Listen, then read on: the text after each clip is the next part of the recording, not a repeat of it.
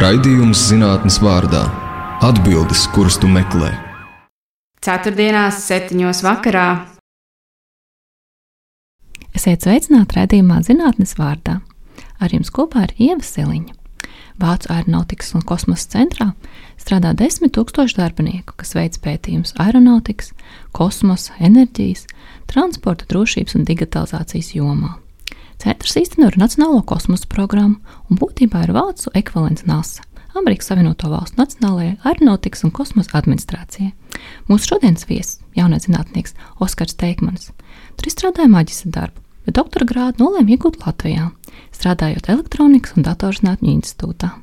Mūsu šodienas saruna būs par robotiku Vācijā un Latvijā, bet raidījuma zinātnes vārdā viesis, programmētājs un doktorants elektronikas un datorzinātņu institūtā Oskars Teikmans. Sveiks, Oskar! Labdien! Stāsti, lūdzu, kā tu nonāci robotikā? Tātad um, man interese par robotiku laikam sākās, kad es gāju pēdējos trīs skolas gados Rīgā, pirmajā gimnājā, kur man arvien vairāk interesēja matemātika un fizika. Tie bija tie priekšmeti, ar kuriem es sev visvairāk varēju asociēt, kur man bija visinteresantāk.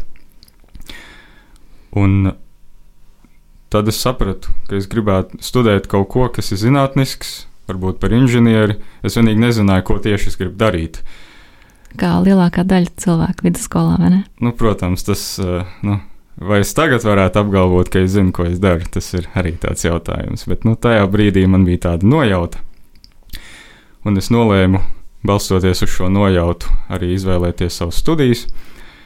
Un um, pēc skolas pabeigšanas es pārvācos uz Minheni, kur es sāku studēt Tehniskajā universitātē, vienā inženierzinātnes programmā, kas ir praktiski veidota tieši tiem cilvēkiem, kas īsti nezinu, ko viņi grib darīt. Bet nāk no pirmās gimnāzijas un saprot tā fizika un matemātika. Nu, kaut kā tā. Es gribu kļūt par inženieri, nu, ko e, e elektronikas vai, vai mehānisko inženieri vai programmētāju. Nē, inženieri.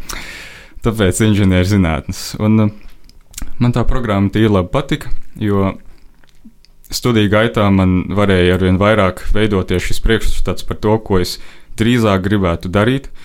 Un man kaut kad iepatikās doma par nu, par to, ka cilvēks var uztaisīt kaut ko, kam ir sava, sava dzīve, sava griba, ja to tā grib no, nosaukt, sava, savs veids kustēties un darīt kaut ko.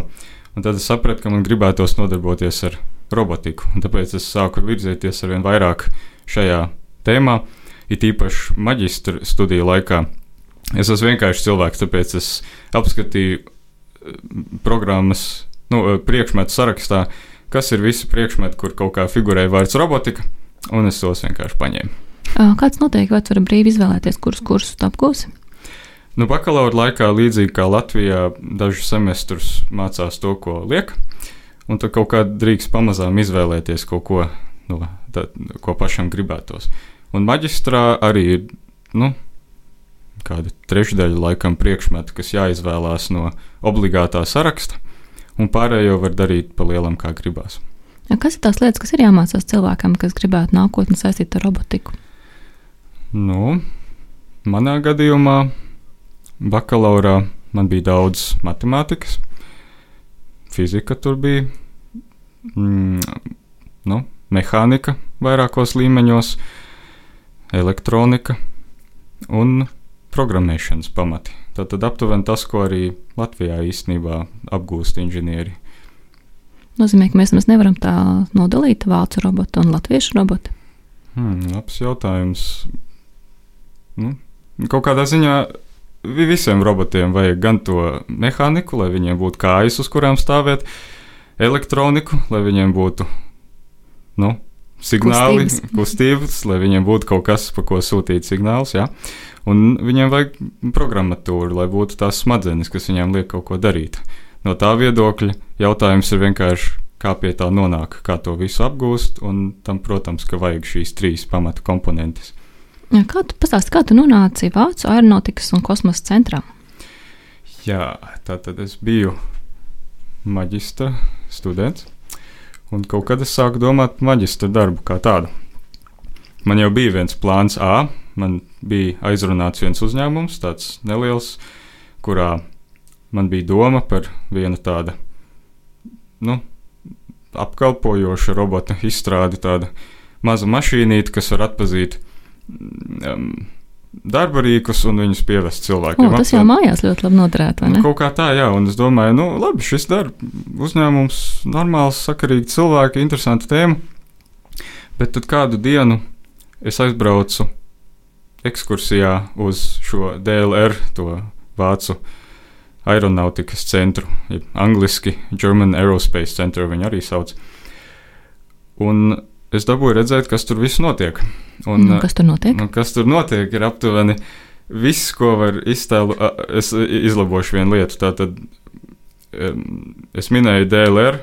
Tas ir viens liels, milzīgs institūts, kur jau jau minēju, tur 55 institūti un 10 tūkstoši darbinieku. tieši tā, tur ļoti daudz cilvēku strādā. Es biju ekskursijā uz robotikas un mehātronikas institūtu. Tātad tas ir nedaudz mazāks institūts, tur strādā aptuveni 400 cilvēku, ja es nekļūdos. Un es tur kādu dienu biju ekskursijā.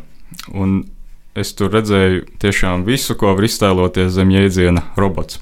Tur bija staigājoši roboti, uz divām kājām, uz četrām kājām, tur bija lidojoši roboti, tur bija kosmosa roveri, tur bija braucoši apkalpošanas roboti, kuriem augšējā ķermeņa daļa ir tā kā cilvēka rumpis, kurš varēja ar rokām kaut ko pacelt un skatīties. Viņam bija kameras acīs.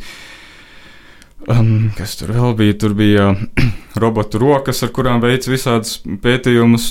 Tur bija robotu rokas, kas bija piestiprinātas ratiņkrēsliem, lai cilvēkiem, kuriem ir ierobežota kustība, varētu sūtīt vai nu muskuļu signālus, vai smadzeņu signālus, lai darbinātu to roku. Tur bija pašbraucoša mašīna. Ui, un es iespējams, ka pat ne pusi nosaucu, bet katrā gadījumā tas, ko es tur ieraudzīju, tas aktivizēja manu to, tā, tās bērnu smadzenes laikam, kurām patīk šādas spēļmantas, un man ļoti gribējās tur kaut ko darīt, tāpēc es sāku ar viņiem kontaktu. Um, palūdzu tur vienam zinātniekam, lai viņš apskata manu CV. Aizsūtīju viņam CV, divas nedēļas vēlāk viņš man teica, nē, nebūs. Un līdz tam Oh. brīdim, es tagad pateikšu, līdz tam brīdim šis institūts man bija tāds plāns B.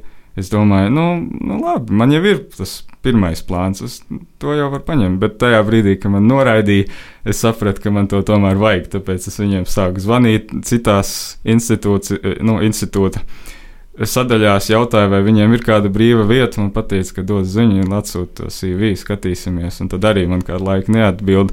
Man jau sāka rasties tāda. Satraukums? Jā, tas izmisuma viņa līmenis cēlās, un es domāju, nu nebūs, laikam, nebūs cik žēl. Un tam man piezvanīja kādu dienu un teica, ev, um, mums ir daži doktoranti, kas ar tevi varētu kaut ko gribēt pārspriest, tā kā atnāc. Nu, un tad man bija eiforija, es domāju, wow, tas tiešām notika. Un tam man bija jāpagaida divi mēneši, pirms es drīkstēju sākt, tāpēc, ka viņiem nebija vietas. Tajā nu, gada beigās es varēju tikai no janvāra, bet es tajā brīdī jau sapratu, ka man ir vērts to laiku pagaidīt. Un tas bija to vērts. Es tur nostrādāju gadu un divus mēnešus, pastrādāju pie visādām datorredzes tēmām, un tur arī rakstīju savu maģistra darbu. Un tas bija ļoti interesanti. Datorā redz, ar ko tieši nodarbojies, ko dators redz un kāpēc. Jā, tā tad precīzāk tas, ko es tur darīju. Um, viena no pirmajām tēmām, ko man tur iedeva, bija aptuveni šāda. Līdzīgi kā cilvēka acis darbojas, darbojas arī kameras, lai atpazītu dziļumu. Proti, cilvēks vienkārši skatoties uz jebkuru ainu, var ieraugot objektu, saprast, kas viņam ir tuvāk un kas viņam ir tālāk. Un. Nu jā, un, lai šo paveiktu, mums palīdz tas, ka mums ir divas acis. Jo divas acis redz katra savu to bildi, savu perspektīvu, un šī perspektīva mums iedod to dziļumu, informāciju. Pat ja mēs to tik ļoti neizjūtam, mēs zinām, mēs to jūtam, mēs redzam lietas, kas ir tuvāk un lietas, kas ir tālāk. Līdzīgi, ja sasprāžu kopā divas kameras, tā kā tās pašas, kas ir telefonam aizmugurē kameras, No daudziem telefoniem tagad ir vairākas kameras aizmugurē. Pilnīgi precīzi. Ir telefoni, kas pat izmanto šo tehnoloģiju, bet, ja sasprāž divas kameras kopā, līdzīgi kā cilvēka acis ir viena otrai blakām, tad ir iespējams ar matemātiku, ar algoritmiem izveidot šādu dziļuma bildi. Un uh, šādi algoritmi, pie šādiem algoritmiem es kādu laiku strādāju tur pa lielam, lai iejustos tajā institūtā, jo tur tiešām pagāja kāds laiciņš, līdz es varēju apgalvot, ka es saprotu, kā tur aptuveni lietas notiek. Un pēc tam es sāku strādāt pie maģistra darba, kas gāja nedaudz līdzīgā virzienā, bet bija nedaudz tāds izvērstāks. Tas bija par tēmu palīdzēt robotiem atrast sevi. Nē, palīdzēt robotiem orientēties telpā, pa kuru viņi jau zina, kur viņi atrodas. Viņi jau ir izveidojuši tādu tā kā karti par to, kur viņi ir. Un, ja viņus izslēdz un noliek kaut kur citur, tad šī ļoti klasiskā robotikas problēma, pazudušā robota problēma ir tā, kurā robotam vajag apskatīties no šīs jaunās perspektīvas, kur viņš atrodas, un pateikt, kur viņš ir šīs jau šīs iepriekšēji, nu, pirms tam zināmās kartes kontekstā. Tas ir līdzīgi kā, ja teiksim, cilvēks ir dzīvoklī, nezinu, dzīvojamā istabā. Viņš zina, kur viņš atrodas tajā istabā. Tagad viņam aizstājas acis ciet, nosēdina viņu citā stūrī tajā istabā, un viņam jāpasaka, nu, kur tu atrodies šajā istabā. Un cilvēkam tā ir ļoti vienkārša problēma. Nu, es atrodos šajā stūrī, tas, kurš ir blakām šitam divānam. Tas ir ļoti vienkārši, jo cilvēki orientējas gan pēc telpas geometrijas, kur viņš vienkārši geometriski atrodas un izmanto visādus objektus, lai vizuāli pieturas punktus. Tieši tā, un aptuveni tāda metode, kā to iztulkot tādā programmēšanas robotikas valodā, tas, tā, tā bija mana tēma maģistra darbam. Nozīmē, ka šim uh, robotiņam nāktos atpazīt kādu objektu, ko viņš iepriekš ir redzējis? Jā, viņš atpazīst gan no dažādām perspektīvām, tāpat kā cilvēks, robots var atpazīt tos pašus objektus. Vienalga, no kurienes skatās, ja uz galda ir vāze, piemēram, tad no nu, jebkuras perspektīvas var ieraudzīt to vāzi, kamēr tu nekā nav priekšā. Un zinot, kur tā vāze atrodas relatīvi citiem objektiem, ko varētu atpazīt, no tā var izreikināt, kur tad es faktiski šobrīd esmu. Man šķiet, šāda tehnoloģija tiek izmantot jaunajos putekļu sūcējos robotos. Jā, piemēram, modernie putekļu sūcēji izveido priekš sevis tādu karti no vides, kurā viņi ir izbraukuši, lai zinātu, kur viņi ir bijuši, kur viņiem vēl jābrauc, un lai viņi arī zinātu, kur viņi vispār var braukt, lai nekur neieskrietu. A, kur mēs vēl varētu izmantot šo datorredzi? Viens no pielietojumiem ir, piemēram, palaist robotu kādā lielā ēkā vai kādā fabrikā, uh, un ļaut viņam izstaigāt visas telpas, pilnīgi visu, kas tur ir, un vienkārši izveidot šādu karti. Bet ne tikai geometrisku karti, bet arī tiešām atzīt, kas tur tajā visā telpā ir par objektiem, lai būtu tāda um, nu, informatīvāka bilde par to, kas tur viss atrodas. Tāda pēc iespējas gudrāka karte. Vai arī, nu, principā, jebkuram robotam, kuram ir kamera, kuram ir paredzēts kaut kādā veidā autonomi pārvietoties un kaut ko darīt, ir noderīgi jebkurā brīdī varēt secināt, kur viņš šobrīd atrodas, arī ja kaut kas ir noticis, arī ja viņam, ja viņš ir apgāsts un viņam jāpieceļās, un viņam jāatsvaidzina sistēma un jāsaprot pa jaunu, kur viņš šobrīd atrodas. Tā kā tam ir samērā daudz pielietojumu.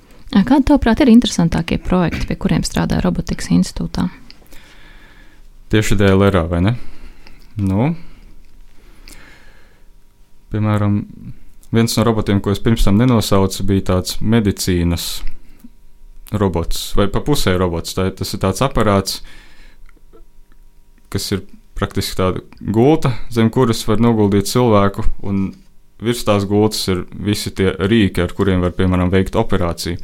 Un tos rīkus darbina no vienas citas vietas ar vienu tādu ļoti komplicētu kontrolieri, lai ķirurgs varētu gan lielas, gan ļoti sīk mehāniskas kustības veikt tīri ar tā robota palīdzību.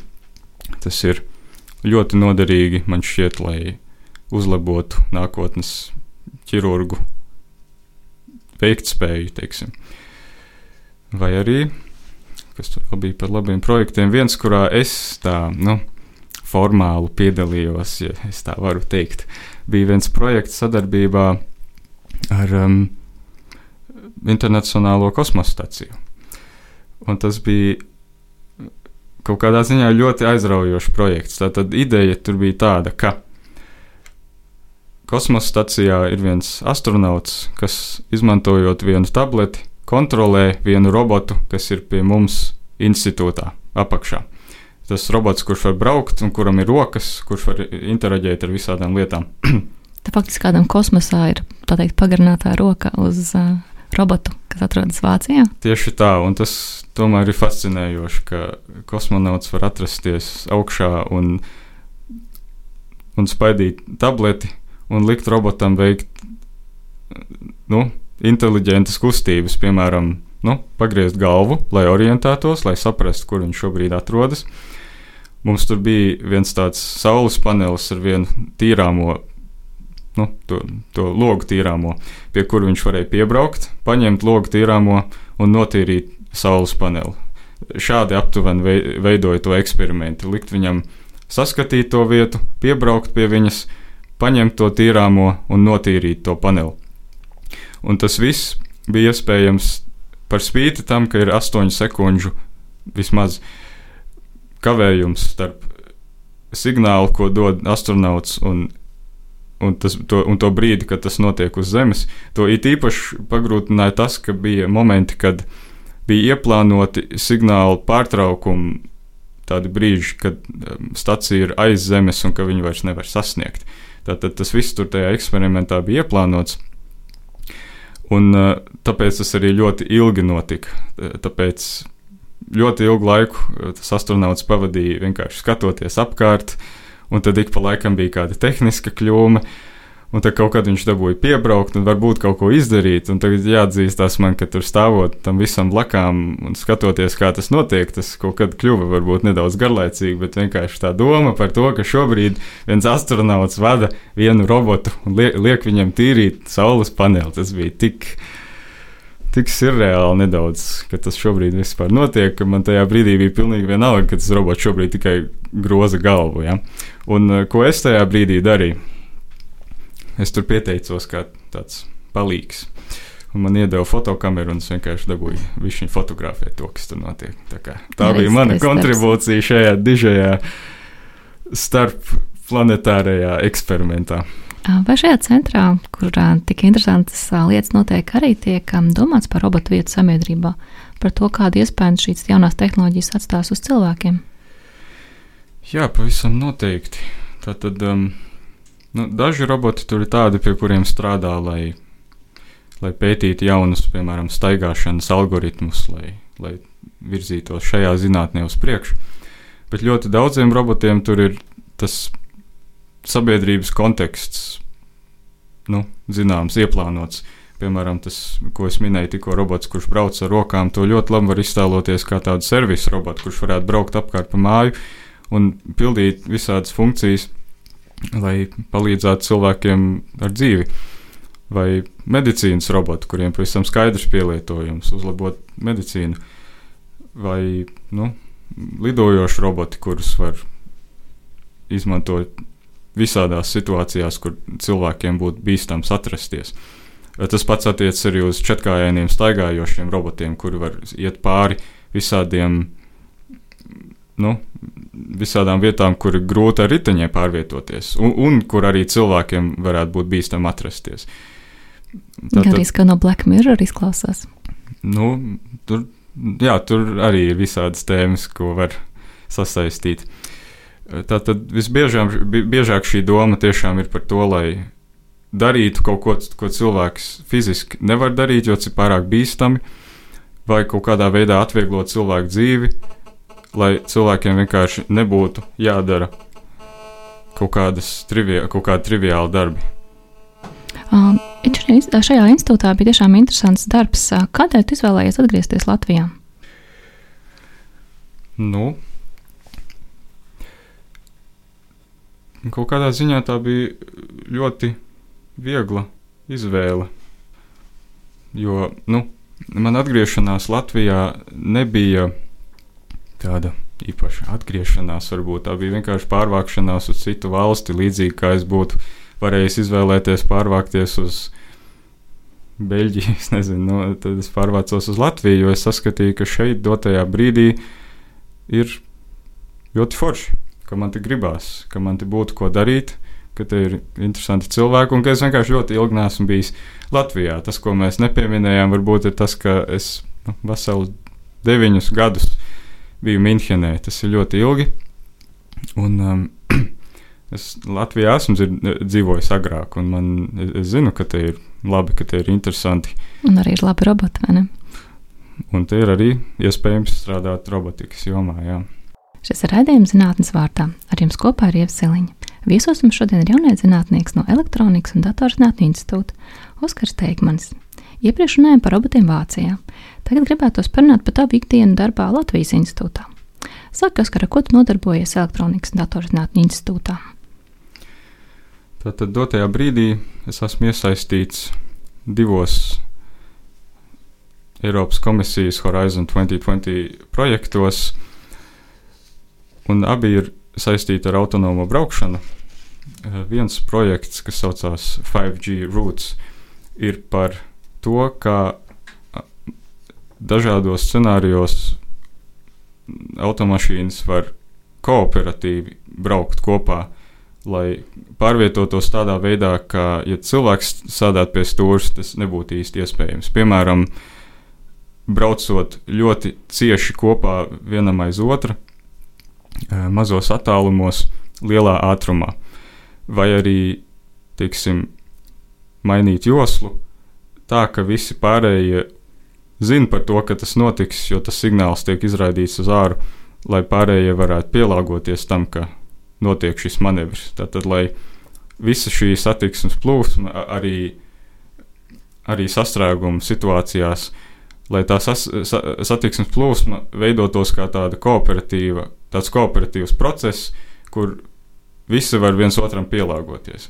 Tad šis ir tāds, šis projekts ir tāds, nu, proof of concept pētīšana, lai saprastu, cik tālu var iet ar šo tehnoloģiju, kurā auto un arī vilcienu un kuģi starp citu var braukt un komunicēt ar vidi Un kāds no tā viss ir labums? Tad es pareizi saprotu, ka pat slavenajā Rīgas sastrēgumā stāvētu pārbraucošās mašīnas, kas apvieno apmainītos ar informāciju un izlēmtu, kā vispareizāk to izdarīt, tā lai šī sastrēguma nebūtu.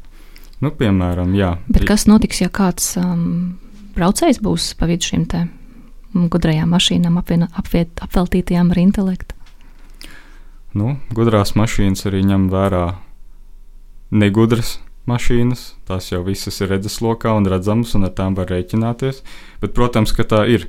Ja kaut dažas mašīnas uz ielas nav autonomas, tad viņas var ietekmēt to plūsmu tādā veidā, ka, ja viss būtu autonoms, tad tas varētu kustēties vienā tādā lielā, lielā vilcienā, visas mašīnas. Un, nu, jā, to var tiešām tikai sasniegt, ja visi ir autonomi. Kā izskatās pēc taviem pētījumiem, vai šādā gadījumā, ja būtu vairāk autonomu automašīnu, vai būtu mazāk sastrēgumu un vieglāka satiksme, vai tomēr tas neietekmētu situāciju? Ja būtu vairāk tādā ziņā, ka. Vairāk autonomu mašīnu, kas var pieņemt um, lēmumus jā. balstoties uz um, aprēķiniem. To ļoti grūti pateikt īstenībā. Man liekas, ka kaut kad ir kāda kritiskā masa, ko var sasniegt, no kura brīža var just, ka tagad ir kāds efekts. Bet es nemācīšu, godīgi sakot, pateikt, kas ir tā kritiskā masa, jo tur ir ļoti daudz mainīgo, un neviens vēl nav varējis, man liekas, pārbaudīt, kā tas ir, kad, teiksim, nu, no 11,000 mašīnām 10,000 ir autonomas. Tāds eksperiments uh, nav vēl veikts, man tā šķiet. Nu jā, pie mums jau arī īsti tā kā nedrīkstētu darīt, vai ne? Nu jā, nu, tam būtu vajadzīgs desmit tūkstoši autonomās mašīnas, tā kā to arī tīri fiziski ir grūti īstenot. Varbūt var pastāstīt par otru projektu, kurā tu strādā. Jā, otrs projekts arī ir Eiropas komisijas projekts, un to sauc AI for CSM. Un, uh, tur ideja ir tāda, ka arī autonomās braukšanas pielietojam, pielietojumam mašīnai apliek apkārt sensorus, kas ļauj viņai uztaisīt 360 grādu aplokā augstas izšķirtspējas bildi no tuvākās apkārtnes. Tas nozīmē gan to geometrisko karti, tātad vienkārši kur un cik tālu atrodas visādas lietas, un kas tās lietas ir. Tātad augsts izšķirtspējas, tāda semantiska karte, kas palīdz mašīnai, piemēram, orientēties ļoti tādās komplicētos, precīzos braukšanas manevros, kas varētu, piemēram, būt īpaši noderīgi smagā, smagajiem auto, kas tik labi neredz vienkārši apkārtni. Kas ir vēl tādas lietas, pie kā strādā Elektronikas un datorzinātņu institūts? Tā, nu, tur ir um, institūtā ir kādas piecas, laikam, galvenās tēmas vai nu, um, zinātniskie virzieni, pie kuriem tiek strādāts. Tur ir par augstu izšķirtspējas sensoriem, kur, um, kur piemēram strādā ar nu, sensoriem, kas sekundžu ar ļoti augstu subsekundžu precizitāti var izmērīt laiku, vai arī tālispēte kā tēma, kur, piemēram, viens no, viens no virzieniem, ko dara, ir izmantot satelīta bildes un tās analizēt, lai, piemēram, saprastu, no kā sastāv šis Zemes kadrs. Vēl ir robotika, kur strādā pie visādiem, teiksim, atkritumu šķirošanas, vai nu, kaut vai pašbraucošos auto varētu pieskaitīt pie robotikas. Vēl ir signālu apstrādes laboratorija, un uh, sensoru tīklu, kur veido, nu, kur strādā pie inteliģentām sistēmām, kur vairākas subsistēmas bez vadiem vienkārši komunicē viena ar otru. Un kur tas būtu varētu izmantojams būt? Kur kas varētu būt izmantojams? Kur to varētu izmantot, šos sensoru tīklus? Uh, nu, piemēram, tas pats kooperatīvo autonomu, autonomo mašīnu piemērs ir aptuveni tāds gadījums, kur uh, ir vairākas tādas vienības, kas neatkarīgas viens no otras pārvietojas un bez vadiem komunicē viena ar otru. Vai arī gudrās fabrikās, kur visādi roboti braukā apkārt un pārvadā, piemēram, preces pa noliktavu. Arī, arī tiem robotiem vajag komunicēt vienam ar otru bez vadiem, lai saprastu, ko viņi šobrīd dara, kur viņi šobrīd brauc, lai, ne, lai neieskriet viens otrā. Vai mēs arī kā, ikdienas cilvēku dzīvē ar laiku varētu gaidīt šādu komunicēšanu? Tātad, ka katra iekārta, šis pats um, putekļu sūcējs vai leduskapis komunicēt ne tikai ar īpašnieku, bet arī katrs um, savā starpā. Leduskapis teiktu plītī, kas jādara, vai otrādi? Es pat teiktu, ka kaut kādā līmenī tas jau viss notiek. Leduskapji, kas var paši sevi papildināt, izsūtot signālu, ka trūkst ēdienas. Jā, aizsūta Amazonam, piemēram, ziņu, ka lūdzu papildini mani. Vai arī nu, putekļu sūcēji, kas zina, kad viņiem ir jāsāk darboties, vai gaismas, kas pašas no sevis ieslēdzās. Tātad gudrās mājas eksistē jau tagad. Es domāju, ka tikai tas līmenis, cik gudrs viņas paliks, var tikai celties. Un, tad, protams, atliek cilvēkam pašam izvēlēties, vai viņš grib dzīvot tādā ļoti gudrā mājā vai nē. Vai ļoti gudra māja var būt arī bīstama cilvēkam? Nu, kā piemēram filmas par terminatoriem un tehnoloģijām, kas sadumpojas pret cilvēkiem. Nu, es kā cilvēks, kas ir iesaistīts tādā tehniskā vidē, teiktu, ka es laikam nekad negribētu dzīvot tādā gudrajā mājā. Jo gudra māja tas nozīmē tikai vairāk vietas, kas var kaut kā sabojāties un ar kurām vairs nevar tikt galā. Piemēram, ja parasti spuldzīte beidz darboties, tad nomaina spuldzīti, bet ja beidz, darboties kaut kas tajā tīklā, tajā gudrajā tīklā, tad iespējams vairs nav tik viegli salabot to problēmu. Tad tas ir kaut kādā abstraktākā līmenī, ko vairs nevar tik viegli kā cilvēks sasniegt. Droši vien arī zinām drošības riska. Ne? Nu, gan jau, bet par tiem nemācīšu komentēt. Tu teici, ka viens no izaicinājumiem elektronikas un datoršķinātņu institūtā ir atkritumu šķirošana. Saki, kādēļ atkritumu šķirošana ir tāds izaicinājums robotiem? Atkritumiem ir tā īpašība, ka to ir ļoti daudz un dažādu, visādu formu, visādu krāsu, visādu mīkstumu, visādu materiālu. Un katram no tiem vēl jādara kaut kas cits. Tas nozīmē, ka viņu šķirot, nu, tad tur var, tur var visādas, visādas risinājumus izdomāt. Vai nu kaut kādu filtrēšanas variantu, vai kaut kādu, kaut kādu robotu roku, kas sagrābi šos atkritumus un noliek kaut kur malā, vai kaut kā izsit ārā no, no, no konveijera lentes. Tie visi ir komplicēti problēma. Tieši tāpēc, ka to atkritumu objektu ir tik daudz un dažādu. Tāpēc vienalga, ar kuru konkrēto metodi ar to nodarbojas, tas vienmēr ir komplicēti, tāpēc ka tur ir tik daudz iespējas kaut kā nokļūdīties. Un mērķis tad ir mēģināt tos atkritumus izšķirot tik, tik labi, cik iespējams. Jā. Jo, nu, iespēj, visticamāk, nevarēs nekad simtprocentīgi precīzi atdalīt visu, precīzi visu, ko vajag atdalīt, bet nu, galvenais ir uzlabot to situāciju. Kā tu vari robotu rokā iemācīt, piemēram, no atkritumiem izlasīt um, stikla pudeles? Jā, tad, tad atkal, ja salīdzina ar to, kā cilvēks darītu lietas. Cilvēkam pudeli un izņem. Tieši tā cilvēkam tas ir ļoti vienkārši. Cilvēks redz pudeli, cilvēkam ir roka, viņš to roku izstiepj, paņem to pudeli, izņem ārā un gatavs, un neko īpaši daudz par to nedomā.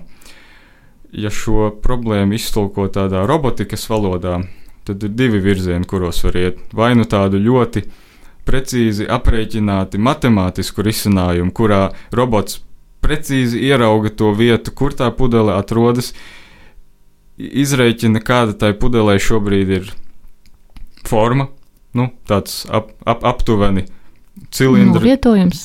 Un novietojums, kādā virzienā tā pudele šobrīd ir nomesta. Virziens, un, un tas viss ir sešu dimensiju problēma īstenībā. Gan trīs dimensijas, kurā atrodas tā pudele, un vēl trīs dimensijas, kurā viņa skatās, kā viņa ir novietota. Un tas nozīmē, ka to visu varētu aprēķināt, paņemt robotu roku, viņu, ar viņu aizbraukt tieši tur, ļoti precīzi, kur, tas, kur tā pudele ir. Un Nu, tad nākamais jautājums ir, kā izskatās tā robota roka. Vai viņa izskatās bišķiņ tā kā cilvēka roka? Kā paņemt? Vai tā kā tāds, tāds tā kā, tā kā knaiblis, vai kaut kāds piesūceknis, atkarībā no tā, kas ir tās rokas galā. Tā problēma ir atšķirīga. Bet, ja tās ir tādas tā kā knaiblis, nu, tad ļoti precīzi vajag viņas novietot, sagrābt ciet, pietiekami stipri, lai pudele neizkristu, bet pietiekami vāji, lai viņa nesaspiestu, un tad jāņem ārā. Uh, Tā kā šī būtu tāda ļoti, tāda ļoti matemātiska pieeja šai problēmai, bet robotika ļoti bieži inspirējas no, iedvesmojas no tā, ko cilvēki dara. Un cilvēki visu, ko dara, aptuveni līdz brīdim, kad ir skaidrs, ka ir sagrābta tā roka. Tātad aptuveni liek to roku tur, kur pudele Pareizā ir. Virzienā. Tieši tā, un tad, kad sa sajūt to pudeli, tad viņi var grābt ciet. Un tas ir kaut kas, ko arī roboti var darīt. Roboti var aptuveni virzīties tur, kur vajag, sajust, ka kaut kāds spēks, kaut kāds pretspēks tur ir iedarbojies, un tad, un tad aiz, aiztaisīt cietu roku. Tātad šis ir arī viens virziens, pie kur tiek pētīts, kā var vislabāk izmantot robota rokā esošos spēka sensorus, lai, lai aptuveni tā višķiņa cilvēciskā, cilvēciskākā veidā veiktu šīs visas um, darbības. Vai jums institūtā ir faktiski roboti, kas šķiro atkritumus?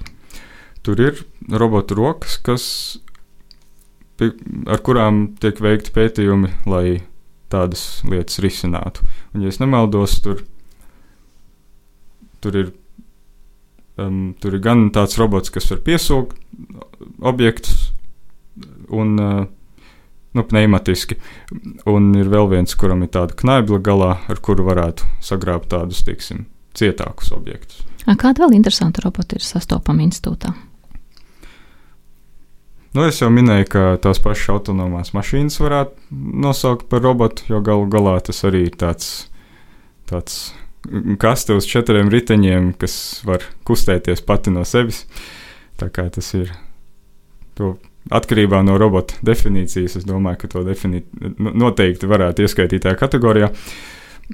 Un vēl tur ir tādi eh, mazāki, tādi, kas uz riteņiem brauc, ar kuriem veids pētījumus, tā skaitā, piemēram, par vidas uztveru un, un tādām tēmām. Un tur vēl ir plānoti lidojošie roboti, tāpēc tur pamazām būvē tādu, tādu um, būrīti, tādu, uh, kurā iekšienē var lidot, un tā, ka tas neapdraud apkārtni. Tā kā, ja kaut kas no, noiet greizi, tad vismaz. Uh, lai neaizlido prom. Lai neaizlido prom, lai atsitās kaut kur pret, pret malu un paliek tur pat iekšā. Vēl ir dzirdēts par jūsu mm, dezinfekcijas robotu, kas palīdzēšot mums iznīcināt vīrusus. Jā, Covid ēras sākumā arī Edija piedalījās um, risinājumu meklēšanā. Es gan tad vēl nestrādāju, tas jau bija nedaudz senāk, bet um, Edija piedalījās viena. Nu, Projekta īstenošanā. Jā, nu tāda tīrīšanas, dezinfekcijas robota īstenošanā, kas ir arī tāds, eh, arī, nu, teiksim, kaste uz riteņiem, kas brauc pa gaiteņiem un uh, var ātri dezin, uh, de, de, dezinfektēt, kā to nosaukt, uh, gaiteņi, dezinficēt. Un kā ar ravēšanas robotu? Arī tāds jums esot? Jā, es, ir arī tāds robots, kurš, kurš mērķēti tiek vaļā no nezālēm. Tā ir arī tāda. Katra dārza īpašnieka sapnis. Ah, jā, viss noteikti. Tāds nedaudz um, atkarībā no dārza izmēra, tas, protams, var būt ļoti noderīgi. Un uh, arī šī ir tāda ļoti izteikti datorredzes tipa problēma, kur vajag spēt saskatīt uz viena auga, kas ir tas labais augs, ko vajadzētu likt mierā, un kas ir tas sliktais augsts, no kura vajadzētu tikt vaļā. Ko tas nozīmē tehniski? Protams, mēs varam iemācīt, kāda izskatās nātre un nātrēm nē, bet vai mēs varam iemācīt, jāiemāca visas puķis, kuras ir labās puķis? Es domāju, ka tajā gadījumā to var par laimi ierobežot uz zināmu kontekstu. Tad, ja ir darbs ar šādu konkrētu augu, tad var iemācīties, kā izskatās tas konkrētais augs, un pa virsmu iemācīties, kā izskatās tie augi, kuriem tur nevajadzētu būt. Tātad atkarībā no pielietojuma to var nedaudz ierobežot, lai atvieglinātu šo mācīšanās procesu. Tas nozīmē, ka šis robots patiesībā izravēs ārā tieši tās nezāles, kuras viņš pazīst, vai ne? Un ne citas. Nu jā, tieši tāds ir. Bet arī cilvēki tā darītu. Cilvēki ravē tikai tās nezāles, par kurām viņi zina, ka tās ir nezāles. Tieši ja ierauga, tieši tā, ja ierauga cilvēks kaut ko jaunu, tad vispirms vajag iemācīties, vai šī ir nezāle, vai tas ir kaut kāds labs augs, kas man ar to ir jādara. Taisnība. Šis ir raidījums zinātnes vārdā. Ar jums kopā ir Ieva Seliņa. Viesos mums šodien ir jaunais zinātnieks Oskars Teikmans. Iepriekš runājām par robotiem elektronikas un datorzinātņu institūtā, bet tagad gribētu parunāt par to, ko mēs varam sagaidīt nākotnē. Nesen pie mums studijā bija ekonomists Jānis Priede, kurš brīdināja, ka ar laiku vienkāršākos darbus pārņems datori un roboti. Oskar, kāds ir tavs kā tehnoloģiju speciālists skatījums uz to? Tas, ka cilvēku darbus pārņem roboti, nu, tas jau ir noticis tas šobrīd notiek, un tas turpinās notikt. Tā kā tas nav nekas jauns, tas ir ļoti ilgs process, tas notiek jau, nu, tas, tas jau sen ir sācies, un tagad tikai turpinās. Un bez šaubām tas arī nākotnē būs ļoti aktuāli. Kāda, tavuprāt, būs nākotnes cilvēku darbi? Kas būs tas, kas saglabāsies? Jā, nu, šis ir tāds jautājums, ko ļoti grūti atbildēt, jo tas ir tāds pareģošanas. Nu, no otras puses, tā... jauniešiem tas ir ļoti aktuāli zināt, kur karjeru izvēlēties, lai nepaliktu bez darba. Tā ir, jā. Es domāju, ka visādas, visādi programmēšanas virziena darbi varētu kādu laiciņu vēl palikt aktuāli, bet domāt, domājot tādos plašākos iedzienos, jautājums ir vienkārši, kas varētu notikt ar sabiedrību, ja pieaug robotu skaits, kas aizvieto tādus ļoti nu, robotiskus darbus, tādus triviālus darbus, kur nevajag daudz domāšanas spējas. Ko tas īsti nozīmē? Tas varētu nozīmēt, ka cilvēks kļūs ar vien virtuālāka, ar vien attālinātāka, ar vien vairāk tikai pie datoriem, tāpēc ka nu, fiziski darbi nav, nav nemaz tik daudz to fizisko darbu, kuros vajadzētu ļoti aktīvi piedomāt. Nu, protams, ir arī tādi, un tāda arī paliks man tā šķiet, bet nu, visādi darbi, ko, kur tikai tādas mehāniskas kustības var veikt, tie pamazām pazudīs. Un tad jautājums ir, kas to aizvietos. Vai tiešām nākotnē visi tikai sēdēs pie datoriem un veiks kaut kādus tādus abstraktāka tipa darbus, vai varbūt skatoties uz tādu optimistiskāku variantu, varbūt ir iespējams, ka pavairināsies darbi, kas ir kaut kādā veidā saistīti starp cilvēkiem. Tātad cil, cilvēks priekš kāda cita cilvēka kaut ko dara, vai nu no aprūpē, vai, vai kaut ko tamlīdzīgu, vai visādi radoši tipa darbi. Gribētos nedaudz, lai kaut kas tamlīdzīgs notiktu. Es domāju, ka šīs vienkāršākās lietas pārņemot robotiem, varētu būt, ka cilvēkiem būtu vairāk laika viena priekš otra. Nu, tas to pavisam noteikti varētu nozīmēt, jo galu galā, ja, ja roboti dara mūsu vietā visu kaut ko, lai mums tas nebūtu jādara, lai mums būtu atvieglota dzīve, tad varētu teorētiski iztēloties nākotni, kurā cilvēkiem Eiropā nemaz nav jāstrādā, kur viss nepieciešamais, lai izdzīvotu, jau ir. Jo roboti to visu izdara. Jo kāpēc mēs viņus būvējam, ja ne lai atvieglotu mūsu dzīvi? Tāpēc varētu cerēt, ka nākotnē visi darbi būs tādi intelektuāli interesantāki, patīkamāki, starpcilvēciskāki, aizraujošāki. Bet vai tas tā būs? To es absolūti nemāku pateikt. Bet tas, ko es, tas, ko es domāju, tas, ko man gribētos ticēt, ir, ka mēs esam posmā, kurā mums ir iespējams to veidot, kurā mēs varam iet šajā ļoti izolētajā sabiedrības modelī, vai arī mēs varam iet virzienā, kur cilvēki tik tiešām izmanto šo brīvību, ko mums dod roboti. Varbūt ne šodien tik ļoti izteikti, bet kādā tālākā nākotnē, ka mēs to izmantojam, lai būtu vairāk savā starpā kaut kā. Saki, kādus atklājumus mēs varētu gaidīt robotikas jomā? Kādus atklājumus? Nu, mēs redzam, ka lidojošās mašīnas, kas tika solītas um, zinātniskās fantastikas filmās, tā teikt, nenotiek. Oi, tās arī notiek, starp citu. Ir tiek, tiek jau tagad izstrādāti visādi lidojošie takši, kas vietos, vietās jau darbojas, kas izmanto, kas izskatās vai nu pēc tādām lielām dronām, proti tādi lieli četri propelleri vai vēl daudz vairāk propelleri, lai, lai paceltu to iekārtu gaisā vertikāli, vai arī visādas citas tehnoloģijas, kas, kas ļauj lidaparātam pacelties vertikāli un tad pagriežās spārni horizontāli, lai varētu labāk lidot horizontālā virzienā. Pie tā tiek strādāts. Jautājums ir, cik lielā mērā ar tādiem var rēķināties, ka tie pārņems mūsu dzīvi, jo tie ir ļoti skaļi. Ja, ja pa pilsētu lidotu tādu apkārt, tad tas būtu daudz skaļāk nekā, nekā mašīnas, kas uz ielām trokšņo. Bet vai mēs varam gaidīt pašbraucošos autoielās? Nu, mēs varam gaidīt, un tādi jau dažās pilsētās braukā. Bet nu, jautājums ir teiksim, par Rīgu. Laikam, tur es, tur bija šī grūtāk pateikt, jo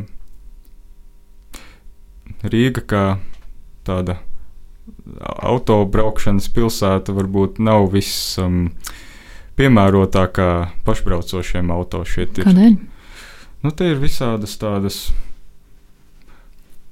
komplicētas situācijas. Tas, kas patīk pašbraucošam auto, ir tas, ka viss ir pavisam skaidri apzīmēts, ka, ka ir ļoti.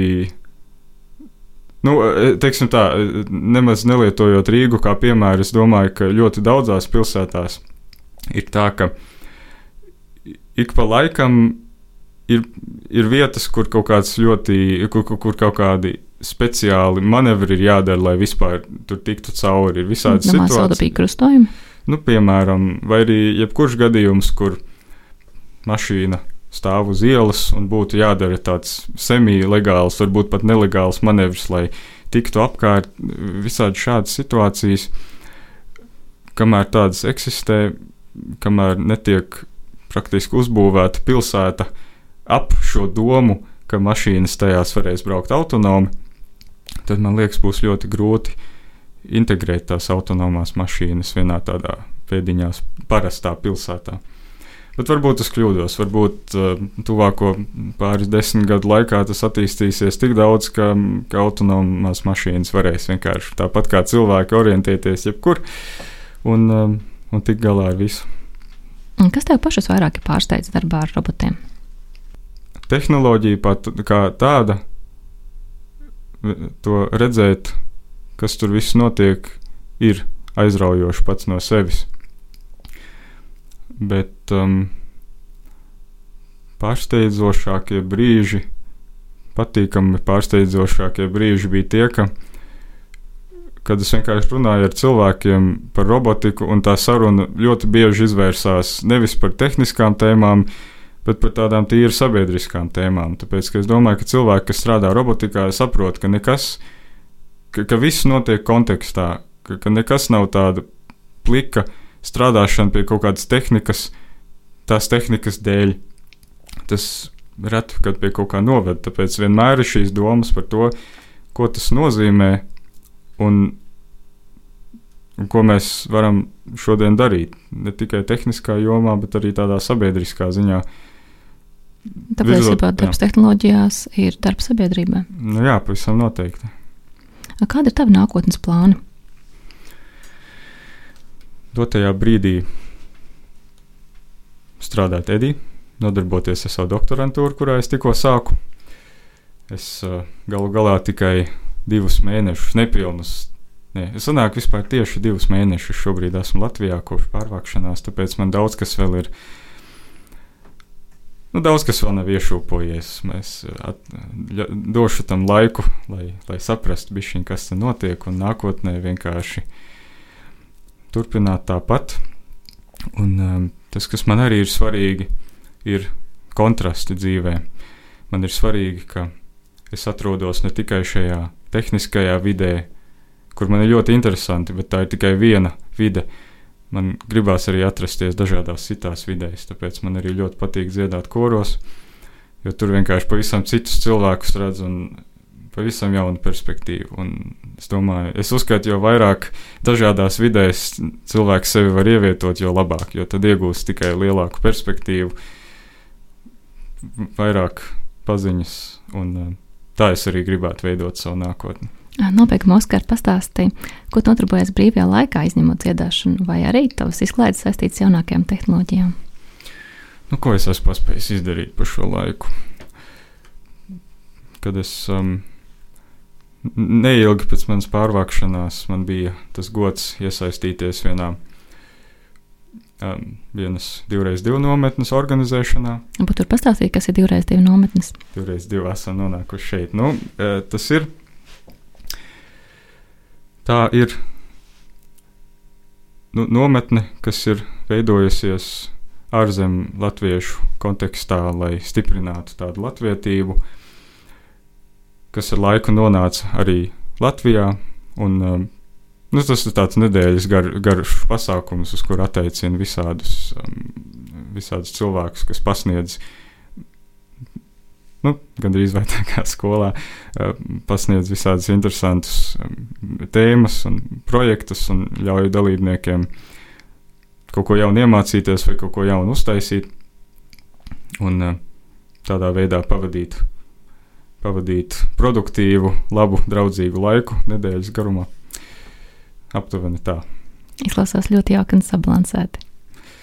Nu jā, un runājot par citām tēmām, Es jau minēju, man brīvajā laikā patīk dziedāt, man patīk spēlēt klavierus, nodarboties vienkārši ar mūziku, džemot ar draugiem.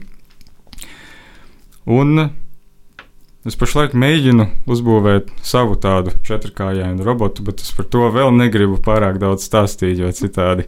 Tas būs robots palīgs vai robots mākslā? Tas būs robots draugs. Tas ar ko cerams varēs visu kaut ko darīt. Gan, gan pētīt, gan ļaut viņam dejot, gan vienkārši eksistēt. Izklausās brīnišķīgi. Paldies! Oskar novēl tev sekmīgu pētniecību un vieglu doktora grādu iegūšanu. Atgādinu, ka raidījumā zinātnes vārdā bija programmētājs un doktorants Elektronikas un datorzinātņu institūtā Oskars Teigmanis. Studijā bija Ieva Siliņa.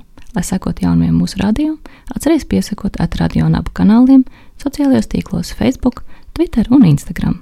Lai jums visiem vietas vakars! Atā! Raidījums zinātnes vārdā - atbildes, kuras tu meklē. Ceturtdienās, septiņos vakarā